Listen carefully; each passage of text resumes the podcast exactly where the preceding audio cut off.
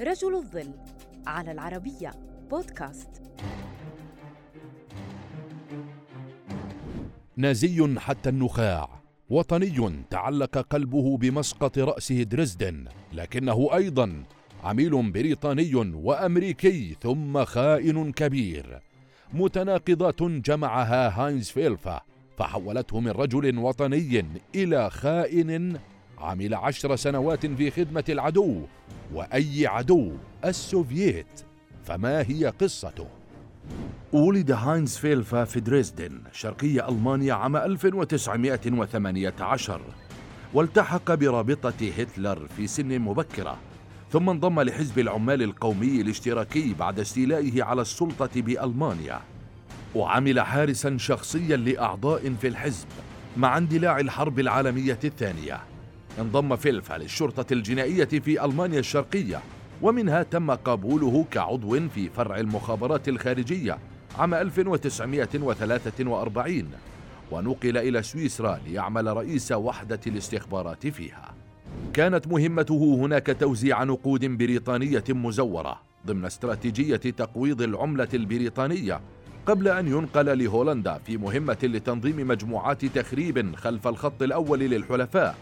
لكنه ما لبث أن وقع أسيرا بالسجون البريطانية حيث تعلم الإنجليزية وحصل على عرض للعمل مع الاستخبارات البريطانية. قبل فيلفا العرض رغم أن آراءه السياسية كانت قد تغيرت حيث اعتقد أن السوفييت تهدف لبقاء ألمانيا موحدة. فيما كانت أمريكا تهدف لتقسيمها. كما آلمه قصف بريطانيا وأمريكا لمدينة دريسدن مسقط رأسه في فبراير عام 1945 ما أدى إلى قتل عشرات الآلاف من سكانها. في فترة امتدت لعام 1949 كان فيلفا قد حصل على شهادة الحقوق من جامعة بون وكتب تقارير عديدة عن أنشطة الحزب الشيوعي في منطقة كولونيا. لكنه رأى أن الأوان قد آن لتغيير البوصلة بما يتفق مع مبادئه فاتصل بجهاز الاستخبارات السوفيتي عن طريق صديق مقرب له فرحبوا به وقاموا بتجنيده. فيما كان البريطانيون قد تخلوا عنه.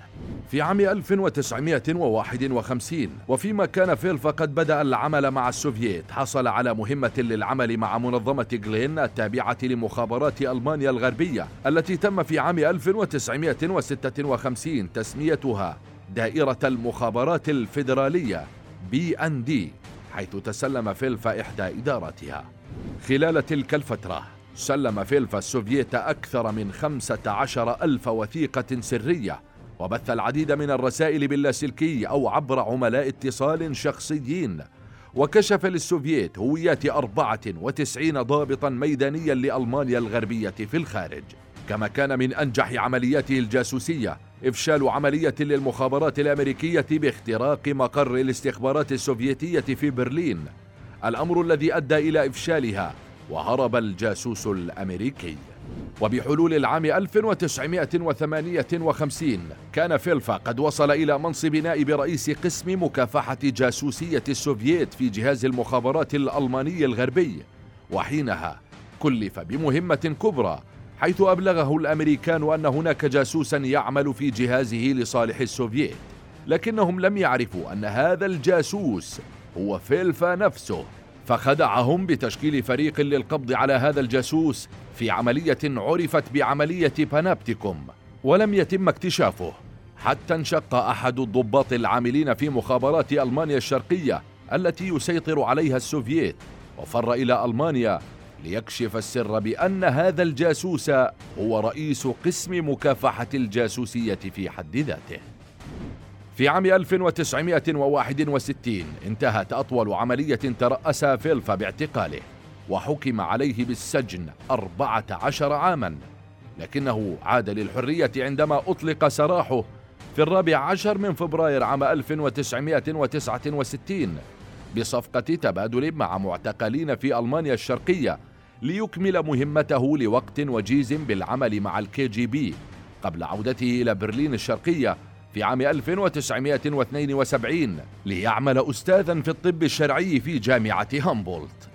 في عام 1986 نشر هاينز فيلفا مذكراته بعنوان في خدمة العدو عشر سنوات عميلا لموسكو في المخابرات الألمانية الغربية.